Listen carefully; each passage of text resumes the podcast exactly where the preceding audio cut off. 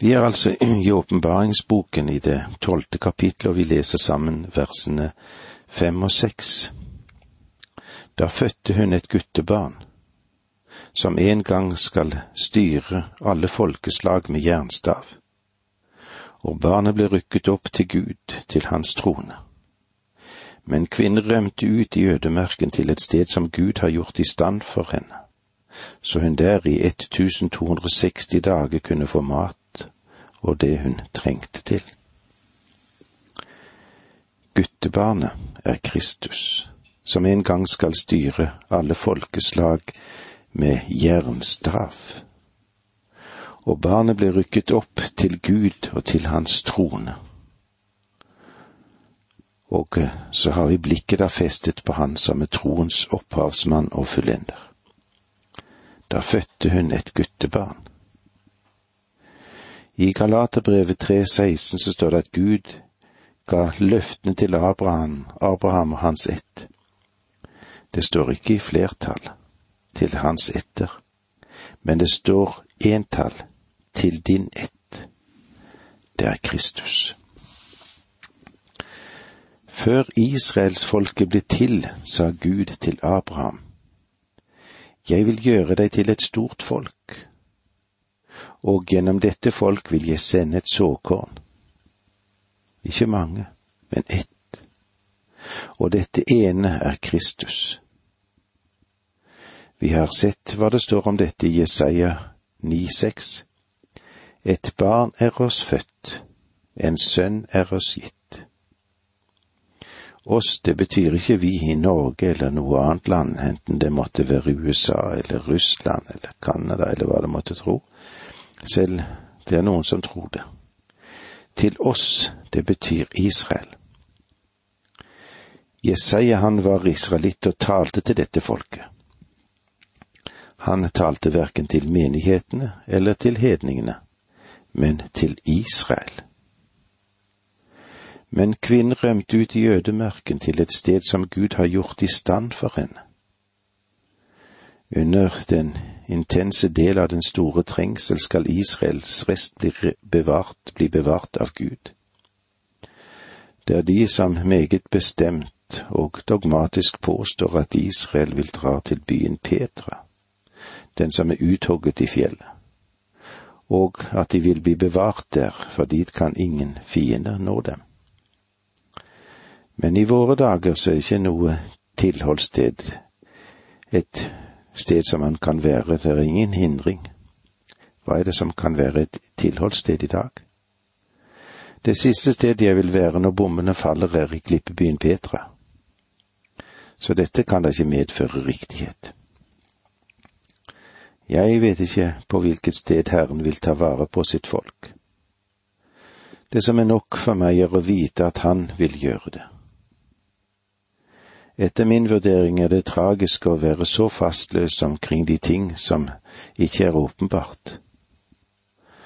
Om du ønsker å fastholde en slik spekulasjon, eller forstå det på den måten, slik som Bibelen sier, så vil jeg ikke protestere så lenge du sier dette er min vurdering, eller jeg tror at det vil være slik det kommer til å foregå. Vi går videre erkeengelen Mikael strider med draken. I versene syv til ni leser vi slik. Da brøt det ut en krig i himmelen. Mikael og hans engler gikk til krig mot draken. Draken kjempet sammen med sine engler, men ble overvunnet. Og de kunne ikke lenger ha noen plass i himmelen. Den store drake ble styrtet, den gamle slange, han som kalles djevelen og Satan, og som forfører hele verden, han ble kastet ned på jorden og hans engler med ham. Ja, her er det en helt utrolig åpenbaring. Da brøt det ut en krig i himmelen. De forente nasjoner kunne ikke ha gjort mer med denne krigen enn med de andre kriger som de har vært innblandet i siden den ble til. Det er vanskelig å forestille seg at det er en krig i himmelen. Men Satan, han har fremdeles adgang til himmelen. Og så lenge han har det, vil det være problemer. Det sier i Jobbs bok at Satan kom sammen med Guds sønner for Guds åsyn.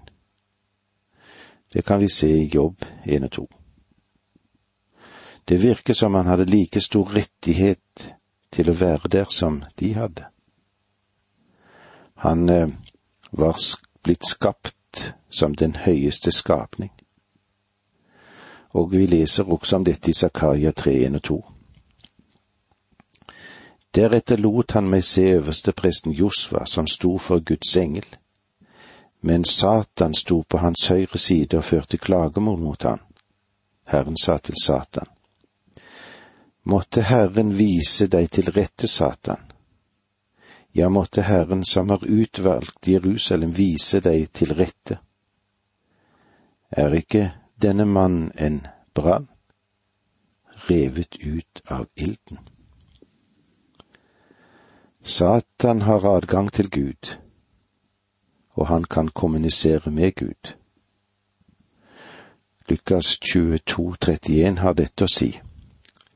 Simon, Simon, Satan har krevd å få sikte dere som hvete. Jeg tror ikke at Satan sendte telegram til Gud eller tok en telefon.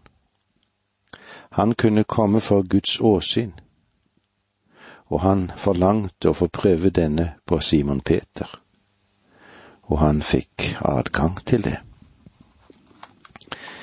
Mikael er erkeengelen det sies i Judas sitt brev, vers 9. Overengelen Mikael våget ikke å håne djevelen den gang han lå i strid med ham om det døde legemet til Moses. Han dømte ham bare og sa, måtte Herren straffe deg. Det er også andre overengler, men Mikael har en særskilt tjeneste i Israel. I Daniel 10, 13 så står det slik, Fyrsten over Perserriket gjorde motstand mot meg i 21 dager. Da kom Mikael, en av de fremste høvdingene, og hjalp meg. Jeg forlot ham der hos perserkongen. Mikael er en av de fremste høvdingene. Selv om det også er andre erkerengler eller overengler, så er Mikael og Gabriel de eneste vi kjenner ved navn i Bibelen. Og så leser vi igjen i Danielsboken 10.20. Men jeg skal fortelle deg det som er skrevet i sannhetens bok. Det er ikke en eneste som hjelper deg mot dem unntatt Mikael, som er høvding over dere. Mikael som er høvding. Siden det er Herren som taler til Daniel, så måtte dette henvises til Daniels bok og folk, nemlig Israel og dette blir også videre klart for oss i Daniel 12,1. På den tid skal Mikael den store fyrsten stå frem, han som verner dine landsmenn. Det skal komme en trengselstid som ikke har vært maken til helt siden folkeslag oppsto.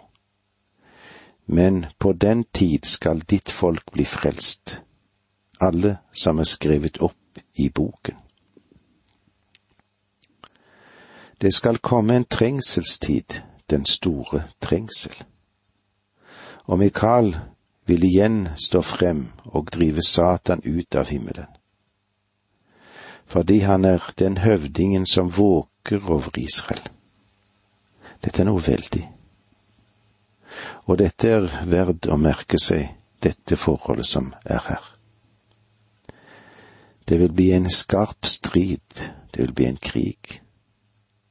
Satan kommer ikke til å trekke seg frivillig, men Mikael og hans engler skal overvinne, og Satan og hans engler vil bli kastet ut av himmelen. Den Herre Jesus henviste til dette i Lukas 10,18. Han svarte, Jeg så Satan falle ned fra himmelen som et lyn. Det er ingen grunn til å ta feil av denne skapningen som blir kalt den store drake for han er merket ut i detalj. Hans fingeravtrykk ser vi her i åpenbaringen. Jeg går ut fra at Gud visste hvor stor prosent av nåtidens predikanter i dette århundret som ville forkynne at Satan ikke eksisterer. Så markerer han dette så du ikke kan unngå å legge merke til det. Om din fiende kan få deg til å tro at den ikke eksisterer, så vil han ha et veldig fortrinn over deg, og han vil være i stand til å knekke deg og sope deg bort. Vi skal ikke gjøre for mye av det, av de onde krefter og av Satans spill, men vi skal heller ikke gjøre for lite av det.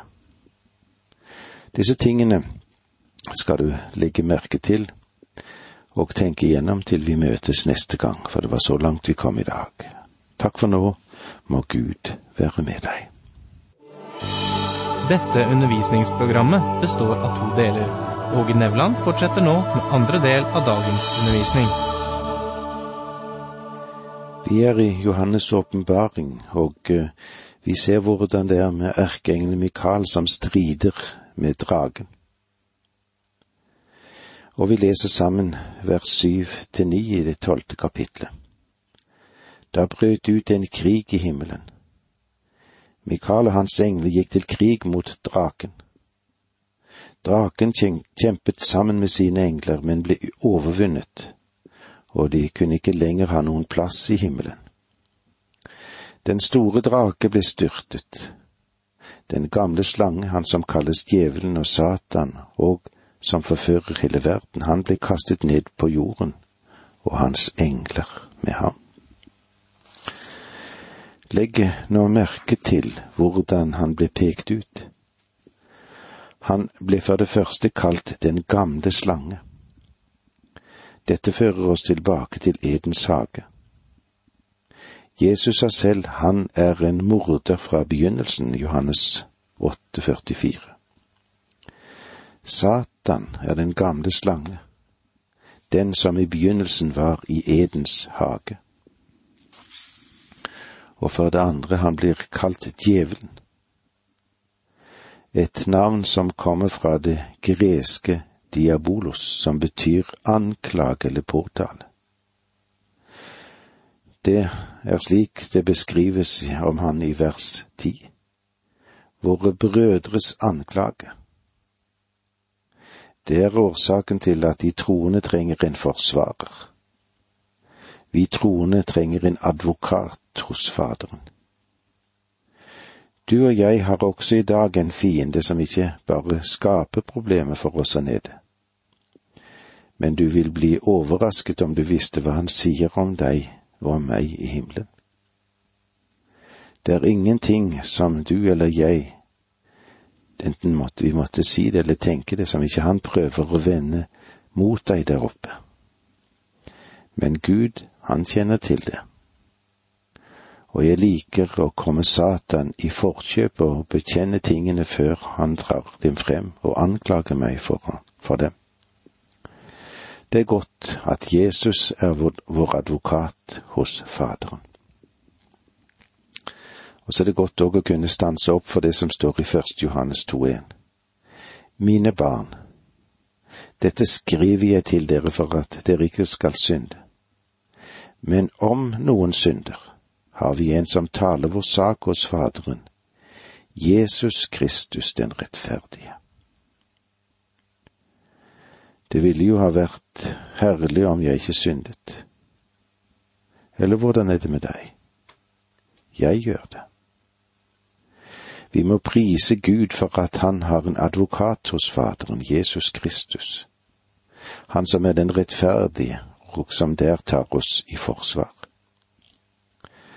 Han har vært travelt opptatt helt siden jeg kom til denne verden, og eh, jeg har en følelse av at han også er opptatt med å forsvare deg. Tror ikke at han sitter der oppe og tvinner tomler, at det går på tomgang. Nei, han er din forsvarer. Han er din advokat. Djevelen, han er en anklager. Han er en løgner fra begynnelsen av. Han er løgnens kilde. Og hvor kommer den sladderen fra som nå da brer seg om rundt oss og i våre menigheter? Den kommer fra helvetes forgård, den. Det er det siste sted vi burde importere noe fra inn i våre menigheter. Ifra helvetets forgård. Og det tredje som vi skal legge merke til av det som vi leste, han ble også kalt Satan, og Satan betyr motstander. Han er Guds fryktelige motstander, og også motstander av alle Guds barn. Vi ble formant, vær nøkterne og våg. Deres motstander djevelen går omkring som en brølende løve for å finne noen å sluke, som det står i Petersbrevet. Jeg har eh, fått et og annet brev der mennesker takker for at de har brutt seg løs fra sekter og kulter som ikke forkynner Guds ord rett. Da jeg begynte å granske og studere Guds ord, ble jeg fort klar over hvor fast jeg egentlig satt i Satans felle var det en som skrev. Ja, Satan har altfor mange i sitt garn. Ja, det finnes òg i våre menigheter eller kirkemedlemmer eller hva det måtte være. Vi må være fullt bevisst på at han er vår fiende nummer én. Det betyr ikke at hele vår horisont skal være oppfylt eller fylles opp med oppfatninger av at Satan er demon og djevel. Det er sant nok, og det synes at han har en høyere aktivitet enn det virket som han hadde for noen generasjoner siden. Men du skal være klar over at han er opptatt i dag med å prøve å hindre deg i å få feste øye på Jesus. For det er han som representerer din utfrielse, og det er han som er i stand til å kunne hjelpe deg. Og det siste som vi skal innom nå i, fra dette, disse versene, det siste blir han blir kalt den som forfører hele verden. Under den store trengsel vil Satan være i stand til å forføre mennesket totalt. I dag er hans forførelse partiell. Satan forfører mennesket i forhold til Gud og til Guds ord. Han fikk eh, Eva til å mistro Gud. Har Gud virkelig sagt at du ikke kan ete av dette treet? Du kan ikke stole på ham i denne sak, kan du? Det var Satans tanke som vi leser om i Første Mosebok 3, 1 og 4. Satan forfører også mennesket i forhold til andre mennesker. Satan får mennesket til å tro at de er bedre enn de er og likevel forakter han oss. Han bygger oss opp og sier til oss at vi kan bli guder. Og hvor vidunderlig ville ikke det ha vært? Det kan du òg se i Første Mose 3.5. Satan forfører mennesket også i forhold til verden, til kjødet og djevelen. Du og jeg tror at vi er store nok til å overvinne verden, til å overvinne vårt kjøtt, og djevelen. Men vi er ikke sterke nok og store nok til å overvinne noen av dem. Verden er for stor for oss, og den vil sannelig dra oss bort fra Herren. Satan forblinder mennesket i forhold til evangeliet. Han har ikke nødvendigvis noe imot at et menneske går i kirken, eller for den slags skyld går i mange forskjellige kirker men han har imot at noen blir frelst. Han gjør alltid å kunne forhindre det. For denne verdens Gud har blindet de vantro sinn, så de ikke ser lyset som stråler fram fra evangeliet om Kristi herlighet, Han som er Guds bilde. En har sagt det på denne måten. Satan må fryktes som en løve men han må fryktes mer som en slange. Han må fryktes mest som en engel. Og her er han som fører de fleste mennesker i fellen i dag. Vi leser videre versene ti til tolv i kapittel tolv. Og jeg hørte en høy røst i himmelen som sa, Seieren og kraften og riket tilhører fra nå av vår Gud, og hans salvede har herredømme. For våre brødres anklager er styrtet, han som anklaget dem for vår Gud dag og natt. De har seiret over ham i kraft av lammets blod, og det ordet de vitnet om. De hadde ikke sitt liv så kjært at de ikke ville gå i døden. Derfor skal dere juble, himler og dere som bor i dem. Men ulykkelig jord og hav, for djevelen er kommet ned til dere, og hans vrede er stor, fordi han vet at han bare har en kort tid igjen. Og jeg hørte. Dette minner oss om at Johannes fremdeles er tilskuer til å høre det som inngår i disse hendelsene. Han vil ikke at vi skal glemme det, fordi dette er meget viktig. Når Satan er blitt kastet ut av himmelen, vil det skape stor jubel blant de forløse som er i himmelen. En høy røst i himmelen kan tenkes til å henvise til de hellige fra Det gamle testamentet, eller fra de hellige fra den store trengsel som har lidd martyrdøden frem til dette punkt. Det kan vi òg se om i åpenbaringen seks, ni og ti. For eh, de nevner sine brødre på jorden for våre brødres anklager er styrtet. Den første store maktdemonstrasjon som settes i verk mot den onde etter Kristi død og oppstandelse, er å kaste Satan ut fra himmelen. Det er begynnelsen til denne bevegelsen som skal føre til at Jesus overtar herredømmet her nede. Og eh, da Jesus døde på korset, ja, så banet han veien for at Satan skulle kastes ut. Og hør hva det står i Kolossebrevet 2,14. Gjeldsbrevet som gikk imot oss på grunn av lovens bud, strøk han ut og tok det bort ved å nagle det til korset. Jesus gjorde det mulig for mennesker å bli frelst ved hans død. Gud strøk ut vår syndeskyld ved å nagle den til Kristi kors. Kristus betalte fullt ut.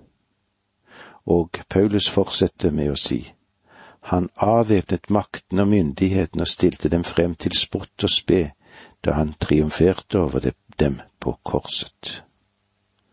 Og med disse ordene må vi si takk for nå, må Gud være med deg.